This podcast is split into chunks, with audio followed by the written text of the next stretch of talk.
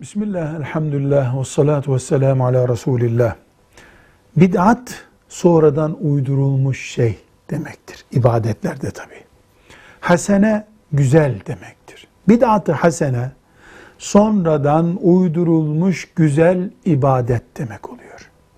Bir ibadetin güzel veya çirkin olduğuna Allah karar. Sonradan uydurulmuş olduğu belli olan bir şeye güzel kararını kullar veremez. İbadet bu çünkü. Biz ev eşyası için güzel diyebiliriz. Siyaset yaparız ona güzel deriz. İbadete güzel veya çirkin diyemeyiz. Dolayısıyla bid'atı hasene, güzel bid'at deyimi bazı alimlerimiz tarafından yaygın bir şekilde kullanılmıştır.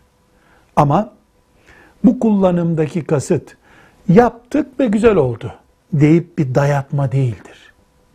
Bunun güzel olduğunu umuyoruz. Doğrusunu Allah bilir demek için bu manayı kullanmışlardır.